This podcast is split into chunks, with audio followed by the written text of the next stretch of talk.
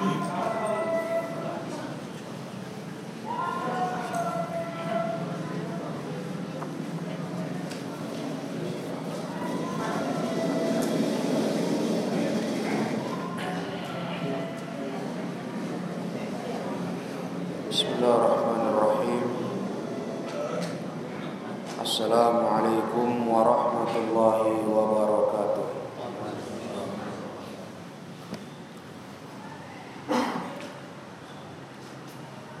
الحمد لله نحمده ونستعينه ونستغفره ونعوذ بالله من شرور أنفسنا ومن سيئات أعمالنا من يهده الله فلا مضل له ومن يضلل فلا هادي له أشهد أن لا إله إلا الله وحده لا شريك له وأشهد أن محمدا عبده ورسوله يا أيها الذين آمنوا اتقوا الله حق تقاته ولا تموتن إلا وأنتم مسلمون يا أيها الناس اتقوا ربكم الذي خلقكم من نفس واحدة وخلق منها زوجها وبث منهما رجالا كثيرا ونساء واتقوا الله الذي تساءلون به والأرحام إن الله كان عليكم رقيبا وقال رسول الله صلى الله عليه وسلم فإن أصدق الحديث كتاب الله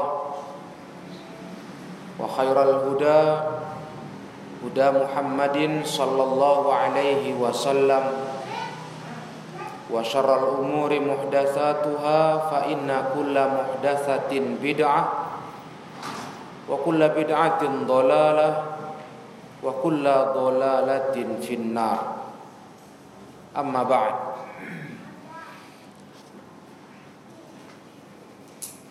kaum muslimin ikhwani fiddin rahimakumullah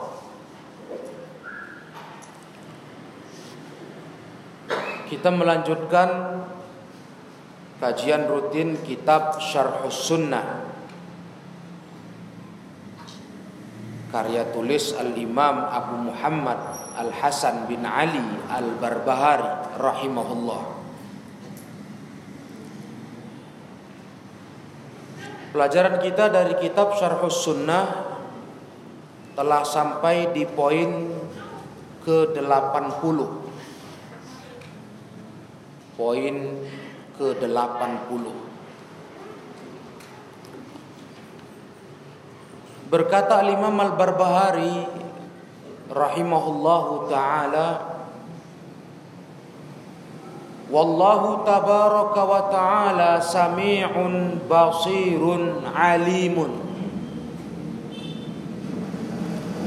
Allah tabaraka wa ta'ala adalah zat yang maha mendengar Maha melihat dan maha mengetahui segalanya. Itulah Allah. Allah punya nama. Di antara namanya Sami' Basir dan Alim. Dan Allah dari nama-namanya itu Memiliki sifat-sifat yang sempurna Ketika kita mengatakan Allah maha mendengar Berarti Allah punya pendengaran Pendengaran yang maha sempurna tidak seperti makhluk. Ketika kita mengatakan Allah Maha melihat, berarti Allah punya penglihatan yang juga Maha melihat tidak sama dengan makhluknya. Kita katakan Allah alim, Allah Maha berilmu, maka Allah punya sifat berilmu. Dengan ilmu yang maha sempurna, tidak sama dengan makhluknya. Ini akidah ahlus sunnah. Walaupun di poin sebelum ini Al-Imam Al-Barbahari pernah berbicara tentang akidah ini. Tapi beliau ingin tekankan lagi prinsip akidah ini untuk kita umat Islam. Agar kita mengetahui tentang Allah tabaraka wa taala dengan nama dan sifatnya. Allah punya nama nama yang mengandung sifat. Karena tak mungkin ada zat yang dinamai dengan sami maha mendengar tapi tak punya pendengaran. Dikatakan bosir maha melihat tapi tak punya penglihatan. Hanya karena ingin menghindarkan penyerupaan Allah dengan makhluk katanya. Dan ini pendapat Jahmiyah. Paham sesat Jahmiyah dengan tokohnya Jaham bin Sofwan. Pernah berkata dalam satu ucapannya Annallaha sami'un bila sam' Allah itu maha mendengar tapi nggak punya pendengaran.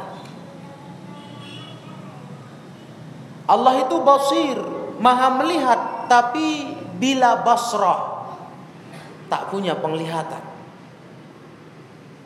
Dan seterusnya para jemaah yang mulia. Nama-nama Allah itu bagi Jahmiyah tidak terkandung sifat di dalamnya. Ini menunjukkan kebodohan fikir mereka. Karena tak mungkin ada penamaan atas sesuatu kecuali di sesuatu itu ada sifat yang terkait dengan nama itu. Kalau Allah dikatakan maha kuat, karena Allah punya kekuatan. Kekuatan yang maha sempurna. Tapi tidak menurut jaham. Allah Ta'ala qawiyun, maha kuat. Tapi bila kuat, Allah tak punya kekuatan. Niat mereka bagus para ikhwah. Niat mereka ingin mensucikan Allah dari penyerupaan dengan makhluk. Mereka tidak ingin Allah kayak makhluk katanya. Allah punya pendengaran. Bagaimana pendengaran Allah dikatakan mendengar sedangkan makhluk juga punya? Mereka tak ingin menyerupakan Allah dengan makhluk. Rumusan mereka tanzihullah mensucikan Allah taala. Itu niat mereka. Ya, jangan salah ikhwah. Jaham bin Sofwan dengan paham sesat Jahmiyahnya ketika menolak Allah punya sifat, itu niatnya bagus. Niatnya bagus. Ingin membersihkan Allah menyerup dari penyerupaan dengan makhluk supaya Allah jangan kayak makhluk kata mereka. Tapi niat saja tidak cukup. Niat baik ini harus didukung dengan ilmu sunnah. Dalam sunnah Rasul Sallallahu Alaihi mensucikan Allah Taala itu kewajiban bagi kita para hamba. Kita sucikan Allah dari penyerupaan dengan makhluk. Itu wajib. Tapi bukan berarti kita buang sifat Allah kita tidak imani sifat Allah yang terkandung di setiap nama-nama Allah. Kita mensucikan Allah dari penyerupaan dengan makhluk dengan prinsip Allah punya sifat. Tapi sifatnya itu tak serupa makhluk begitu. Bukan sifat itu dibuang. Tapi diyakini sifat itu karena memang Allah yang mensifati dirinya dengan sifat itu. Rasul yang mensifati Allah dengan sifat itu. Bagaimana kita buang? Di sini jadi pelajaran bagi kita umat Islam. Niat baik saja tak cukup. Walaupun baik niat Jaham bin Sofwan dengan paham jahmiyahnya. Ingin mensucikan Allah dari penyerupaan dengan makhluknya. Tapi tanpa jalan yang benar cara fikir dia menyimpang dari Islam dan Sunnah. Makanya beragama ini para ikhwah yang mulia, jangan hanya mengandalkan niat baik saja. Niat itu tidak membenarkan cara. Ingat itu. Ketika niat kita sudah baik, cara kita pun harus baik. Bagaimana baiknya cara harus kita cocokkan dengan sunnah. Ini jadi pelajaran ini. Ketergelinciran, kesesatan paham Jahmiyah dan siapa yang sepaham dengan mereka seperti Mu'tazilah termasuk Asy'ariyah, Maturidiyah, Karramiyah, Kullabiyah. Pecahan-pecahan dari Jahmiyah. Ini semua punya niatan baik. Bukan bukan propaganda memang mau merusak Islam bukan. Dasarnya niat baik. Tanzihullah, mensucikan Allah dari penyerupaan dengan makhluk. Tapi cara jalannya salah. Nah, sampai-sampai kata ulama, masalah Allah punya nama dan setiap nama itu mengandung sifat. Itu bahkan dipahami oleh Arabi, orang Badui Orang Badui yang kita kenal sangat tidak terpelajar kan. Arab gunung. Orang-orang pinggiran kota, Badui. Kalau di zaman Nabi dikenal ini mereka kurang adab. Kurang etika. Iya. Memang orang yang nggak terpelajar. Bahkan dalam hal ini seorang Arabi pun faham kebodohan Jaham bin Safwan yang sudah menganggap dirinya sekaliber ulama. Ya, Jaham diulamakan kelompoknya. Ada satu kisah ma'asyiral ikhwah yang mulia. Ketika seorang Arabi, orang Badui, orang yang sangat tidak tahu ilmu, sangat polos lah. Makanya sama Rasul pun adabnya kurang. Dia lewat di satu majlis fi halaqati jahab. Majlis itu ada jahab sedang menyampaikan kajian. Dia lewat. Di halaqah itu Jaham bin Sofwan mengajarkan akidahnya. Bahwasanya Allah itu maha mendengar tapi tak punya pendengaran. Allah itu maha melihat basir tapi nggak punya penglihatan. Allah itu maha kuat tapi tak punya kekuatan dan seterusnya. Ini orang Badui ini termenung mendengarnya.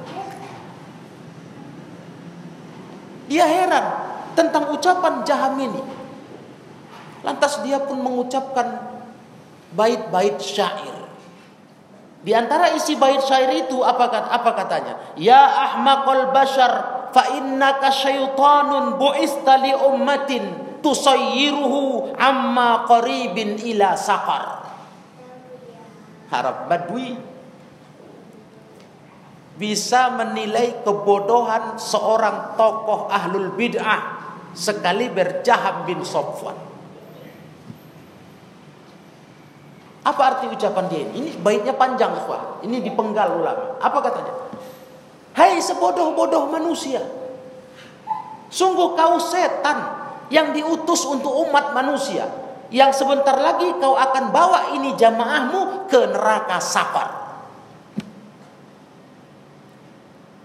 Karena dia heran bagaimana akidah orang ini. Dia katakan Allah punya pendengaran tapi nggak punya pendengaran. Allah maha mendengar tapi tak punya pendengaran. Bagaimana itu?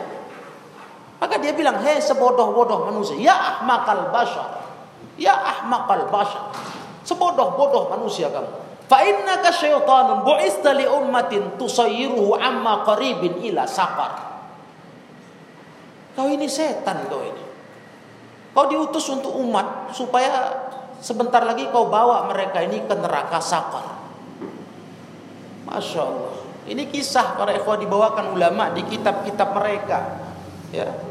Di antaranya para ikhwah yang mulia ada dalam kitab Jalaul Ainaini fi Muhakamatil Ahmadaini karya Imam Al-Alusi rahimahullahu taala. Kisah ini. Emang begitulah para ikhwan yang mulia. Bahkan kata ulama di, di kitab lain, dibanding Jaham bin Sofwan ini lebih mending iblis. Iblis meyakini Allah punya sifat kemuliaan. Bagi Jaham Allah nggak punya sifat itu, karena itu juga ada di makhluknya. Jadi Allah jangan kayak makhluk.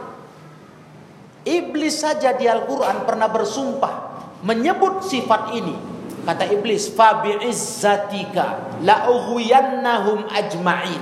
Demi kemuliaanmu ya Allah, aku akan sesatkan semua hamba-hambamu ini. Diakui demi kemuliaanmu ya Allah. Fa bi'izzatika. Maka kata ulama, masih lumayan iblis. Lebih ngerti dia tentang Allah daripada Jaham bin Sofwan. Jadi kalau kebidahan ini memang parah. Kalau yang sudah hancurnya pahamnya ya kayak begini, kayak Jaham bin Sofwan ini. Dan paham Jahmiyah ini nauzubillah. Paham yang begitu mengerikan. Yang diperangi oleh para ulama-ulama sunnah dari zaman ke zaman. Dan sekalipun mati tokohnya sudah mati lama sudah tapi tetap pemikiran seperti itu tak pernah mati di muka bumi. Itu sunnatullah. Kata Rasulullah SAW kalau hidup satu bid'ah itu nggak akan pernah mati sampai kapan pun. Kalau muncul dia, nggak pernah tenggelam lagi dia. Dan kalau sudah muncul bid'ah, mati sunnah.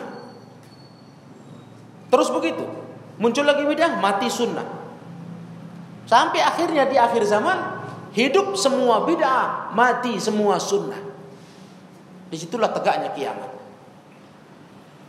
Nauzubillah. Alangkah mengerikan akhir zaman nanti para ikhwah yang mulia. Ajaran sunnah Nabi SAW, akidah yang benar akan padam. Tak dikenal umat manusia. Yang merajalela faham-faham yang sesat dan menyesatkan. Jadi ini harus diwaspadai. Ya, sekarang zaman-zaman kita ini nampak dipopulerkan, dibangkitkan faham Asy'ari, Maturidi. Dianggap inilah ahli sunnah. Asy'ari, Maturidi. Kemudian paham Mu'tazilah. Walaupun Mu'tazilah masih nampak penyimpangannya di pandangan banyak manusia. Ya. Dianggap ini ahli ra'yu yang menuhankan akal belaka. Bukan nggak mungkin nanti ke depan Eko makin ke belakang lagi bertambah tahun bertambah zaman orang angkat paham Jahmiyah dan dianggap ini pula lah yang betul. Sekarang yang Ash'ari Maturidi itu yang didengung-dengungkan. Padahal paham ini pun juga mengandung penentangan akan sifat Allah, peniadaan akan sifat Allah Taala. Cuma lebih ringan daripada paham sesat Jahmiyah. Asy'ariyah. Paham yang dikenal dengan pembatasan sifat Allah dengan sifat 20-nya. Sifat lain dibuang atau ditakwil.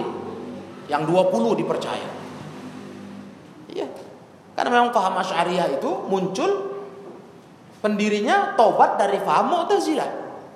Abu Hasan Al-Asy'ari rahimahullah tobat dari Mu'tazilah, dia buat paham Asy'ariyah. Barulah akhir hayatnya dia kembali tobat ke faham ahli sunnah yang sebenarnya. Bukan nggak mungkin kalau sekarang Ash'ari Maturidi yang ditampakkan ke umat sebagai paham ahli sunnah katanya besok-besok paham Jahmiyah pun diangkat lagi. Ditanamkan ke umat ini paham yang benar ini paham yang mensucikan Allah dari penyerupaan dengan makhluk-makhluknya. Sekarang saja para ikhwah yang saya muliakan. Ketika kita bicara asma wa sifat tentang sifat dan nama Allah, kita sudah dituduh menyerupakan Allah dengan makhluknya. Musyabbiha, mumatsilah, sudah. Nah, kita bicara Allah bertempat, sudah langsung dituding. Nah, kalian menyerupakan Allah dengan makhluknya. Kita katakan Allah di satu arah, di atas, sudah dituding sudah dihukumi, difonis menyerupakan Allah dengan makhluknya, makhluk yang ada pada arah tertentu. Begitulah sekarang. Padahal itu semua ada dalil-dalilnya dan itulah sebetulnya akidah halus sunnah yang tidak diragukan lagi kebenarannya. Tapi sekarang sudah samar, sudah sama.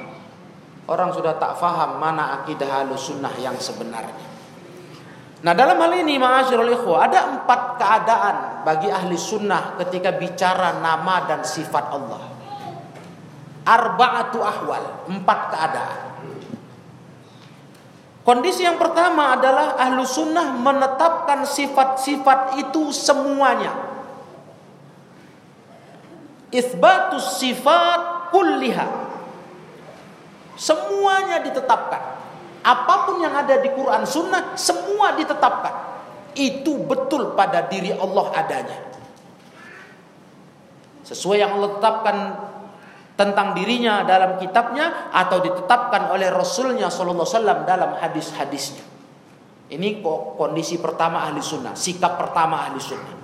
Menetapkan semua sifat Allah tanpa dikecualikan, tanpa dibatasi 20, 12 kayak versi Asy'ariyah. Maturidiyah. Ahli sunnah nggak kenal itu. Apa hak kita membatasinya ya? Sedangkan Allah berbicara panjang lebar tentang sifatnya di Al-Quran. Nabi di hadis-hadis sahihnya. Lah kita kok punya wewenang untuk membatasi. Nggak bisa sebanyak ini. Cukup sekian saja. Atau yang lebih parah dari itu. Paham jahmiyah tadi. Buang semua. Nanti Allah mirip makhluk. Ini sikap pertama, keadaan pertama ahli sunnah ketika berhadapan dengan sifat Allah. Semua ditetapkan, dipercaya. Tanpa ada pengecualian. Kondisi kedua, al-imanu bimaknaha, mengimani maknanya apa adanya. Bukan hanya ditetapkan dipercaya Allah Maha mendengar, punya pendengaran, tapi diimani, ya betul mendengar. Mendengarlah. Allah mencinta, ya betul mencinta. Allah marah, betul marah. Kenapa rupanya? Hah? Kenapa rupanya? Masa kita nggak paham apa itu kata mencinta? Allah mencinta, Allah marah, Allah ridho, Allah Allah senang. Masa nggak ngerti bahasa itu? Maka kita artikan, kita maknai sesuai makna yang datang dari Allah tabaraka wa taala. Nah, itu ahlu sunnah. Tidak ada payahnya. Allah tertawa, ada hadisnya Allah tertawa. Melihat umat ini berputus asa ketika ada musibah, ketika ada problema ketika hidupnya. Padahal jalan keluarnya sudah dekat. Inna farjahum qarib. Allah tertawa. Yadhaku rabbuna min kunuti ibadi. Wa ghiya wa qurbi ghiyari. Tertawa Rabb kita. Kata Rasulullah. Melihat putus asa para hambanya padahal sudah dekat jalan keluar solusinya. Bagaimana kita percaya? Percaya. Makna tertawa, tertawa. Itu ahlu sunnah kondisi keadaan yang kedua, sikap kedua. Diimani sifat-sifat itu dengan makna yang sebenarnya. Tanpa takwil-takwil, tanpa sama dengan. Maksud tertawa sama dengan, nggak ada itu. Mencinta sama dengan. Diartikan dengan makna lain, nggak ada itu. Ini sikap kedua ahli sunnah. Dan yang ketiga al-imanu bi anna hadzal ma'na mughayyiru jumlatan wa tafsilan li sifatil makhlukin.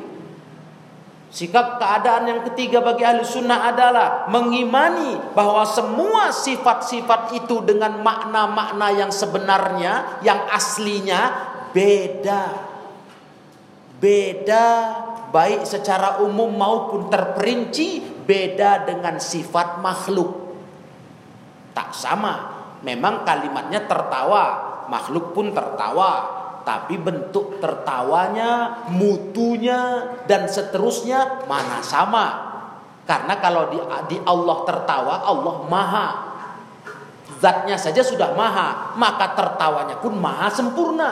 Kita, kita makhluk yang penuh kekurangan, maka sifat tertawa kita pun sifat tertawa yang kurang dari segala sisinya. Kan begitu? Bukan dibayangkan Allah kayak manusia tertawa. Nah, bukan begitu. Dibayangkan Allah kayak manusia mencinta. Nah, kalau kita mencinta para ikhwan, Cinta kita ini payah. Kadang buta mata hati kita kalau udah tertipu cinta. Cinta keluarga kadang membutakan kita dari jalan yang haram. Demi keluarga, cinta keluarga, jalan haram ditempuh. Itu cinta kita. Cinta kita cinta yang banyak cacatnya. Tapi cinta Allah maha sempurna kan selesai. Enggak sama. Tapi mencinta, ya mencinta. Cuma kan jangan samakanlah bentuk mencintanya. Allah maha sempurna. Nah, Allah maha mendengar, punya pendengaran. Makhluk mendengar, betul. Tapi apakah disamakan pendengaran makhluk dengan Allah? Pendengaran makhluk sangat terbatas. Daya tangkap telinga kita terbatas. Allah maha sempurna. Walau seluruh bumi di satu waktu yang sama meminta kepada Allah Ta'ala dengan permintaan yang berbeda. Tak menyibukkan pendengaran Allah sedikit pun. Allah tahu semua apa yang diminta manusia se seketika di waktu yang sama tadi. Allah Maha mendengar. Ini ahli sunnah sikap yang ketiga. Beriman dengan seluruh sifat-sifat Allah dan makna itu dengan prinsip mughayir. Berbeda dengan sifat makhluk. Baru yang keempat ikhwah. At-tafwidu menyerahkan bentuk sifat itu kepada Allah. Tafwidu kaifiyatin. Jadi jangan ditanya bagaimana mendengar Allah. Ah, nggak bisa. Sama kayak kita tanya bagaimana bentuk Allah. Siapa bisa jawab? Tentu nggak ada yang bisa jawab. Karena Allah nggak serupa makhluk, maka sifatnya pun jangan ditanya bagaimananya bentuk bagaimananya serahkan ke Allah. Yang pasti makna setiap sifat itu kita imani apa adanya. Itu namanya tafwid. Nah, tapi beda ya ikhwah.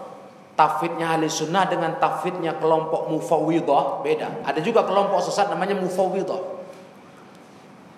Gaya kelompok ini begini, kalau udah bicara masalah nama sifat Allah, dia tidak mau. Oh jangan, jangan disebut Udah urusan itu serahkan Allah, serahkan Allah. Gak mau dia mengupas kaedah-kaedahnya. Pokoknya udah serahkan Allah. Ini nggak betul. Kalau ahli sunnah diimani sifat itu diyakini apa datang sebagaimana datangnya maknanya dipercayai baru diserahkan bentuk sifat itu kepada Allah. Nah, yang lain dipahami dulu dengan jelas, mendengar betul mendengar, melihat betul melihat, Begitu seterusnya. Tapi kaifiat bagaimana bagaimananya serahkan kepada Allah. Karena kita nggak ada yang tahu. Itu satu ilmu yang nggak akan pernah terpecahkan manusia. Karena zat Allah nggak bisa kita ketahui. Ya, bagaimana kita mau cerita sifatnya? Bentuk kaifiatnya. Sama kayak orang kalau bertanya, Allah bersemayam di arasnya. Bagaimana bersemayamnya? Nah, menanyakan bagaimana bersemayam ini udah salah. Iya. Karena kita nggak bisa gambarkan bersemayam Allah karena bentuk Allah pun kita tak tahu. Bagaimana mau menggambarkan bersemayamnya? Maka kata Imam Malik al kaifiyatu ma'lum. Ya. Kaifiatnya sudah diketahui bagaimana istiwa itu. Sudah diketahui. Pokoknya bersemayam dah. Paham kan? Ah. Bagaimana bersemayam seorang raja? Paham kita? Raja bersemayam di atas singgasananya. Sudah paham? Allah bersemayam di arasnya, tapi nggak sama kayak raja. Selesai. Jadi gimana bentuknya? Serahkan ke Allah. Itu ahlu sunnah. Nah, makanya kata Imam Malik tadi, al kaifiyatu malu. Bentuk bagaimana bagaimana pelaksanaan bersemayam itu sudah diketahui. Artinya kita paham.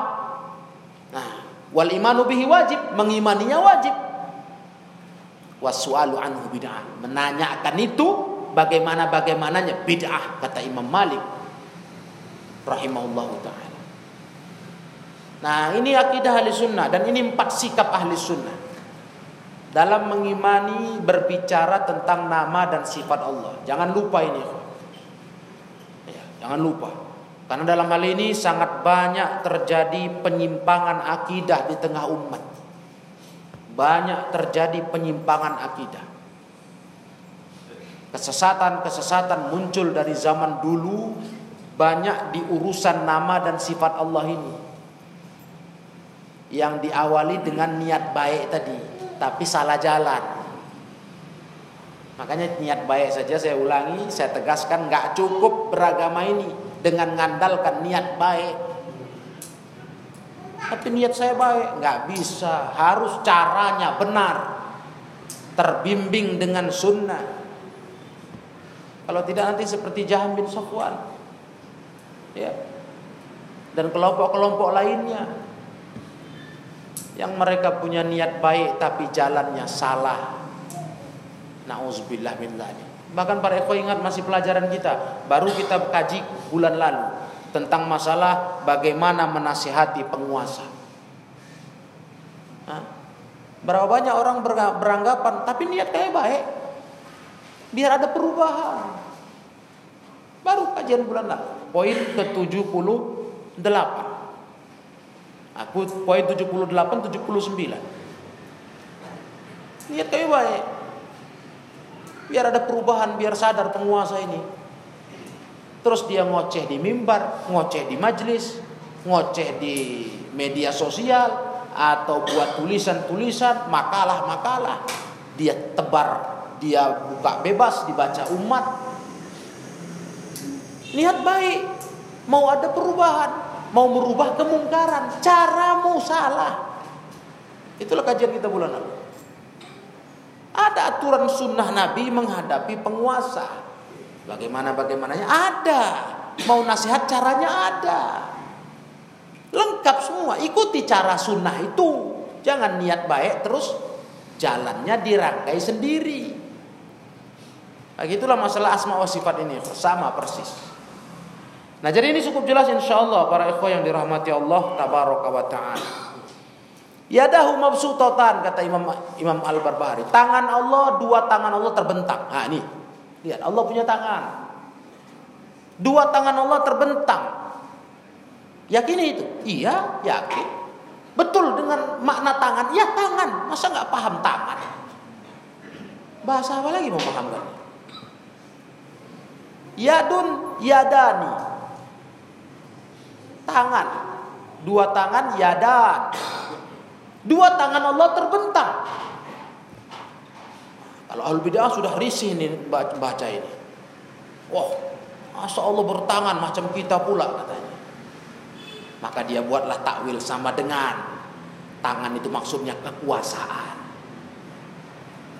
Kalau kita mau jujur lagi kita kejar loh kekuasaan manusia nggak ada punya kekuasaan. Capek nanti dia ikhwan. Lagi pula kok jadi sedikit kekuasaan Allah? Allah punya dua kekuasaan. Lah kok cuma dua? Iya, kalau udah kebidah namanya membingungkan nih. Terganjal sendiri, tersandung sendiri. Kan niatnya mau melari dari menyerupakan Allah dengan makhluk. Makhluk punya tangan, jangan Allah dibilang punya tangan. Jadi apa arti tangan di ayat ini? Bal yadahu mabsutotan. Itu ayat Quran. Masa kalah sama Yahudi? Yahudi aja yakin Allah punya tangan. Cuma Yahudi berkata tangan Allah terbelenggu. Allah bantah itu di Al-Maidah ayat 64. Wa qalatil yahudu yadullahi maghlulah. Ghullat aydihim wa lu'inu bima qalu bal yadahu mabsutatani yunfiku kaifa yasha. Yahudi aja ngerti, Yahudi loh. Yahudi bukan muslim. Mereka berkata kata Allah, tangan Allah terbelenggu. Bahkan tangan mereka lah yang terbelenggu dan mereka dilaknat dengan ucapan mereka itu. Dua tangan Allah terbentang. Yunfiku kaifa yasha Allah berinfak memberikan sekehendaknya ke makhluknya. Allah enggak terbelenggu tangannya tak terikat. Al-Maidah ayat 64.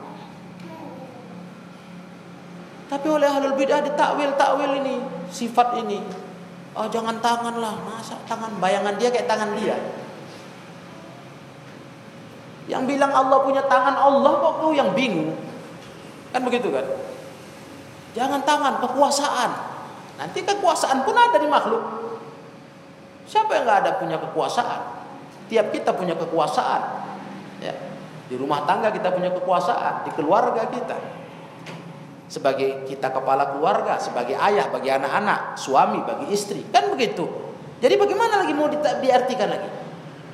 Ujung-ujungnya mau dibuang semua, habis semua, campakkan semua bicara Allah ini. Ah, coba apa nggak sesat betul ini? Kalau ahlu sunnah meyakini tangan, tangan, ya tangan. Cuma nggak kayak makhluk, selesai. Tangan betul, ya tangan. Cuma nggak kayak makhluk. Urusan bentuknya bagaimana, serahkan ke Allah. Kan selesai, ringan kan? Nah, logis sekali ya cara fikir ahlu sunnah ini. Karena memang begitu yang diajarkan Nabi SAW. Tak pernah kita dapat dari keterangan satu hadis pun ada sifat Allah ditakwil-takwil dengan makna lain. Nggak pernah dan para sahabat pun masya Allah nggak pernah tanya ke Nabi nggak pernah protes sedangkan mereka lah manusia yang paling tamak kepada kebenaran paling serius berislam paling penasaran dengan agama ini. Itu sahabat. Sahabat dikenal paling banyak tanya ke Nabi. Paling banyak tanya ke Nabi. Ada yang nanya kebaikan ada yang nanya keburukan. Tapi ketika bicara nama dan sifat Allah mereka diam. Cuma mereka dengar. Firman Allah bilang begini, Nabi sabda begini, mereka diam, nggak pernah mereka tanya macam-macam. Karena mereka tahu itu nggak ranahnya mereka untuk bertanya. Karena Allah maha segalanya, jadi nggak bisa ditanya, nggak bisa di, dikupas lebih dalam bagaimana hakikatnya, tangannya bagaimana, nggak bisa. Mereka tahu diri. Nah, Sedangkan orang-orang ahlul bidah ini nggak tahu diri. Dia paksa untuk bicara tangan, dia bayang-bayangkan terakhir dia tolak. Karena dia nggak tega katanya Allah kayak makhluk punya tangan pula. Astagfirullah. Alangkah susahnya beragama seperti mereka. Lalu sunnah didengar, diimani, percaya, serahkan sama Allah bagaimana bentuknya. Selesai. Tangan ya tangan. Ngapain kita untuk menakwil ke sana kemari? penglihatan mata dalam ayat Allah punya mata ha. tajri ayunina punya mata ya mata cuma nggak mungkin lah pula kita bayangkan mata Allah kayak makhluk Allah maha sempurna maha besar nah kalau mereka lebih dari ditakwil mata artinya sama dengan pengawasan Apakah pengawasan nggak mirip dengan makhluk? Apa makhluk gak punya sifat mengawasi? Sama, punya sifat mengawasi juga. Jadi mereka selalu tersandung sendiri ikhwah dengan kaedah yang dia buat. Nah, nah begitulah para jemaah yang mulia. Qad alimallah annal khalqa ya'sunahu qabla yakhluqahu. Allah sudah tahu bahwasanya makhluk akan memaksiati Allah sebelum Allah cipta mereka. Allah sudah tahu. Karena Allah taala ilmunya mencakup segala sesuatu. Bahkan takdir Allah sudah men, me, menentukan segala sesuatu. Sebelum langit bumi dicipta 50 ribu tahun lamanya. Jadi Allah sudah tahu kalau makhluk akan memaksiati Allah Ta'ala. Allah tahu itu. Allah maha tahu. Itulah luasnya ilmu Allah mencakup segalanya. Ilmuhu nafizun fihim. Ilmu Allah itu berlaku pada mereka makhluk semua. Tidak ada yang lepas dari ilmu Allah Ta'ala. Maka nggak ada yang bisa bersembunyi dari Allah Ta'ala. Allah Maha tahu. Tak satu pun tersembunyi darinya. Falam yamna'hu ilmuhu fihim an hadahum lil Islam. Tapi tak mencegah Allah ketika Allah mengetahui kondisi makhluk-makhluknya ini, Allah beri mereka petunjuk kepada Islam, ke dalam Islam. Nah, di sinilah ikhwan apa yang pernah dulu bab takdir kita bahas di poin sebelum ini bahwa Allah punya dua kehendak. Jangan lupa itu. Allah punya dua iroda, iroda kauniyah, iroda syariah. Iroda syariah Allah ingin kita semua baik, itu mau Allah. Kita semua taat, hamba semua jangan maksiat. Itulah syariat Islam, syariat agama yang dengannya lah Allah utus para rasulnya untuk mengajari manusia jalan kebaikan, untuk mengajari manusia jalan keburukan agar dihindari. Itu irodah syariah, syariat. Di dalam irodah ini, keinginan ini, Allah nggak suka hambanya maksiat. Allah nggak suka hambanya tidak taat. Adapun irodah kauniyah, Allah takdirkan alam semesta ini baik buruknya lengkap. Dan tentu takdir itu semua dengan hikmah, tak ada yang sia-sia. Semua dengan hikmah. Allah ciptakan yang baik, Allah ciptakan yang buruk, Allah ciptakan iblis dan sebagainya, kejahatan. Itu dengan hikmah. Nah, jadi Allah punya dua kehendak dalam alam semesta ini. Kehendak pertama takdirnya, kehendak kedua syariatnya. Nah, nah para ikhwan yang dimuliakan Allah tabaraka wa taala, ketika hamba diberikan Allah petunjuk kepada Islam, kata beliau, "Waman nabihi alaihim karoman wajudan wa tafaddulan." Ketika Allah karuniakan hidayah Islam kepada hamba, itu hanyalah merupakan kedermawanan Allah saja. Artinya itu bukan satu kayak kewajiban Allah harus membuat kita menerima Islam enggak. Itu keutamaan dari Allah, itu kedermawanan Allah ya, kepada hamba. Tafaddulan. Makanya ketika kita merasa nikmat iman, nikmat Islam, jagalah. Ya, karena itu betul-betul karunia pemberian Allah yang enggak Allah beri ke semua makhluknya. Enggak. Allah pilih-pilih orang tertentu yang Allah beri. Yahdi mayyasha. Allah beri petunjuk siapa yang dia mau. Bukan dia beri ke semua makhluknya enggak. Yahdi mayyasha wa yudhillu mayyasha. Allah beri petunjuk yang dia mau, Allah sesatkan pula siapa yang dia mau. Itu semua dengan hikmah dari ilmu Allah yang serba maha tahu apa yang terbaik untuk hambanya. Ketika kita merasakan nikmat itu, ya, nikmat hidayah, nikmat Islam, maka kita jaga. Karena itu bukan sembarangan. Allah kasih suka-suka manusia mengambilnya, enggak. Itu karunia. Iya. Karoman waju dan watafaddulan. Itu semua karunia, kemurahan Allah Ta'ala kepada hamba. Sehingga kita harus jaga agar jangan sampai nikmat Islam yang Allah beri dicabutnya lagi dari hati kita. Ikhwanifidin yang mulia, satu catatan penting terkait dengan masalah kalimat beliau qad alimallahu annal khalqa ya'sunahu qabla an. Allah sudah tahu. Allah sudah tahu bahwasanya makhluk itu memaksiati Allah sebelum Allah cipta mereka. Ini kan terkait dengan takdir jelek. Nah, jadi ada catatan penting di sini yang perlu saya sampaikan dari syarahnya. Masalah tentang takdir irodah kauniyah yang tadi kita jelaskan. Itu tak boleh kita ambil jadi hujjah. Ya, tidak boleh kita ambil jadi hujjah. Kalau menyangkut masalah dosa. Nggak boleh. Artinya nggak boleh kalau kita buat dosa terus kita berkata, ini sudah diketahui Allah sebelum saya dicipta, udah ditentukan Allah ini mau bilang apa? Nggak boleh. Karena bagaimanapun juga para ikhwan mulia, walaupun betul seluruh perbuatan kita ini di bawah takdir Allah, tapi lihat Allah dalam ayat-ayat yang mencela orang pendosa dan menghukum mereka dengan neraka jadi jangan sekali-kali berdalil dengan takdir untuk melegalkan dosa. Jangan katakan ini sudah ketentuan saya jadi orang jahat seperti ini, orang maksiat begini. Allah udah tahu sebelum diciptakannya langit bumi. Jangan berhujah dengan takdir dalam masalah maksiat, ma'ayib, dosa. Tapi boleh berhujah dengan takdir dan harus harus kita bicara, ini sudah takdir dalam masalah musibah. Musibah.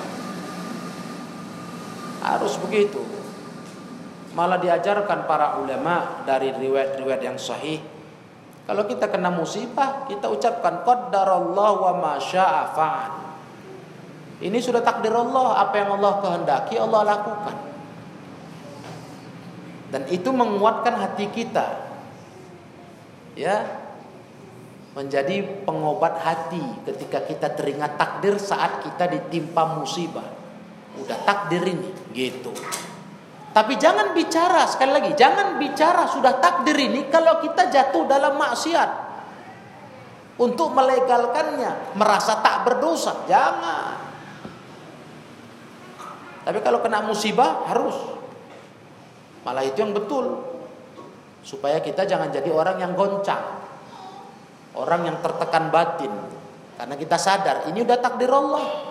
Kita nggak bisa menghindar. Udah harus terjadi. Sudah. Sabar harapkan pahala kan begitu. Nah ini kaidah ini. Mas'alatul qadar yuhtajju biha fil masaib wala yuhtajju biha fil ma'aib kata ulama salaf.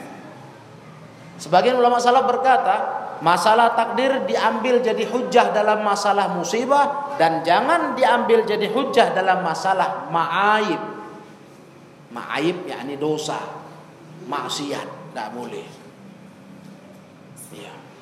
Karena tak akan pernah ada pembenaran atas dosa kita menurut irodah syariah. Tidak akan benar. Malah Allah mengazab pelaku dosa. Allah siksa, Allah bakar di neraka menunjukkan kita nggak bisa membela diri dengan takdir atas dosa yang kita masih belum tobat darinya. Lain kalau sudah tobat ya, sudah tobat kita masa lalu ada orang ngungkit lagi. Orang bilang kau kan dulu begini begini. Nah, itu boleh kita bantah dengan kata ucapan, ya itu dulu takdir saya. Boleh. Jadi hitungnya dulu tuh kita kena musibah maksiat. Bukan untuk melegalkan maksiat itu. Tapi itu cerita masa lalu yang sudah itu takdirnya. Dan itu yang dipakai oleh Adam alaihi salam ketika berhujat dengan Musa. Masih ingat ya, Fahajja Adam Musa kata Rasul. Ketika Nabi Musa menghujat Adam alaihi salam bapak moyangnya, bapak moyang manusia tentang dosa Nabi Adam di surga sampai dibuang ke dunia. Diturunkan ke dunia. Semulanya di surga. Nabi Adam berdalih dengan takdir. Nah, dulu itu takdir saya begitu. Nah, dan memang dengan hujah itu kata Rasulullah fahajja Adam Musa. Adam pun telah menang berargumentasi dengan Nabi Musa. Kalau untuk masa lalu kita dosa-dosa lampau yang coba diungkit orang untuk dijadikan alasan menjelekkan kita, kita boleh bantah dengan takdir. Itu takdir saya sudah berlalu dan saya nggak mungkin mengulang kembali untuk jangan terjadi. Tapi masalah dosa yang sekarang masih dibuat jangan coba-coba berdalil dengan takdir. Nah, karena tak akan bisa takdir itu dijadikan alasan untuk membenarkan pelanggaran maksiat atas Allah tabaraka wa taala. Jadi inilah kaum muslimin ikhwani fiddin rahimakumullah. Satu poin tambahan di pelajaran kita malam hari ini tepatnya poin 80 dari kitab Syarh Sunnah Al-Imam Al-Barbahari. Mudah-mudahan ini sebagai murojaah ilmu lama yang kita sudah baca di poin-poin sebelum ini. Masalah asma sifat sudah pernah, masalah takdir sudah pernah. Jadi ini pengulangan lagi penekanan lagi dari Imam Al-Barbahari bahwasanya ini salah satu dari prinsip sunnah Nabi yang harus ditanamkan di hati umat. Ya.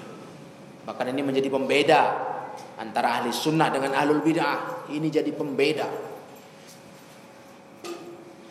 Kalau kita mau cari uh, sisi perbedaan yang sangat menampak antara ahlu sunnah dengan ahlu bid'ah itu salah satunya dari sisi masalah asma wa sifat nama dan sifat Allah. Itu nampak betul. Jurang pemisahnya. Nah, jadi beliau ingin kita betul-betul jadi ahli sunnah yang sebenar-benar ahli sunnah. Bukan yang dianggap ahli sunnah seperti asyariyah. Ah, maturidiyah. Itu bukan ahli sunnah. Dari mana Maturidiyah, Asy'ariyah, Ahlus Sunnah? Tapi begitulah zaman kita ini. Mulai ada pengkaburan-pengkaburan paham. Mulai disebar orang orang terus berani-berani bicara buka-bukaan. Iya. Seperti mengkampanyekan Asy'ariyah itu ahlus sunnah. Inilah akidah ahlus sunnah yang benar. Sifat Allah terbatas 20 dan sebagainya. Nah, ini bukan ahli sunnah. Asy'ariyah itu ahlul bid'ah. Ahli sunnah itu adalah madhab akidahnya para ulama salafus saleh, ulama imam mazhab. Nah, itu ahlu sunnah.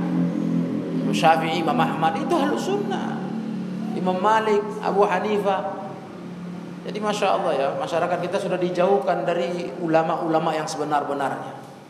Nah, sebagai penutup para ikhwah, salah satu yang nampak anehnya di umat sekarang ini sudah enggak lagi ragu-ragu dan tidak lagi canggung